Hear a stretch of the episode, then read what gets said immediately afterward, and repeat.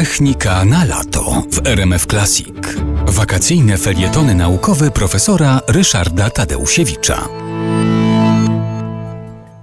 W lotnictwie, podobnie jak we wszelkich innych dziedzinach gospodarki, a w szczególności komunikacji, e, najbardziej e, liczy się, czy ktoś potrafi zaoferować produkt tańszy od, od konkurenta, e, natomiast no, mający równie dobre, a może nawet lepsze parametry. Takim produktem w dziedzinie lotnictwa to, były, to była cena miejsca w samolocie pokonującym duże dystanse. Chodziło o to, że im większy był samolot, tym mniej kosztowało przewiezienie jednego jednego pasażera. Dotychczas, no i do tej pory zresztą, dominujące są Boeingi, które są duże, ale nie bardzo duże. Tam około 300 osób na, w najlepszym przypadku potrafi wejść, albo, albo troszkę mniej. Natomiast firma Airbus postanowiła przebić konkurencję i mianowicie zbudowała bardzo udany zresztą samolot. Miał on oznaczenie A380 i mógł zabrać jednorazowo na pokład 854 pasażerów. No, rezultat był taki, że przewożenie jednego pasażera takim Airbusem kosztowało bardzo, bardzo niewiele, w każdym razie znacznie mniej niż innymi samolotami. Wydawało się, że to jest y, droga do tego, żeby ta firma y, zrobiła ogromne,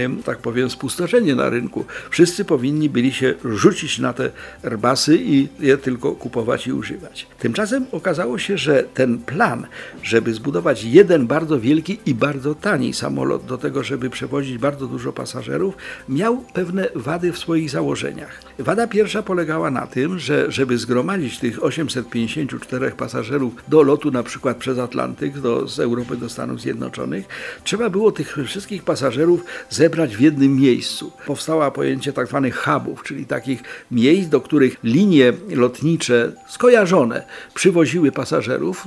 Dla Polski i okolicy takim hubem to, to, to był Frankfurt, lotnisko niemieckie. No i stamtąd odlatywały te wielkie samoloty, wielkie i tanie samoloty na drugą stronę oceanu. Ale okazało się, że to jednak nie jest takie wygodne dla pasażerów, że oni czasem woleliby po prostu na przykład prosto z Krakowa do Chicago, pomimo, że to nie będzie ani taki wielki samolot, ani w związku z tym taki bardzo tani lot, ale wygodniejszy.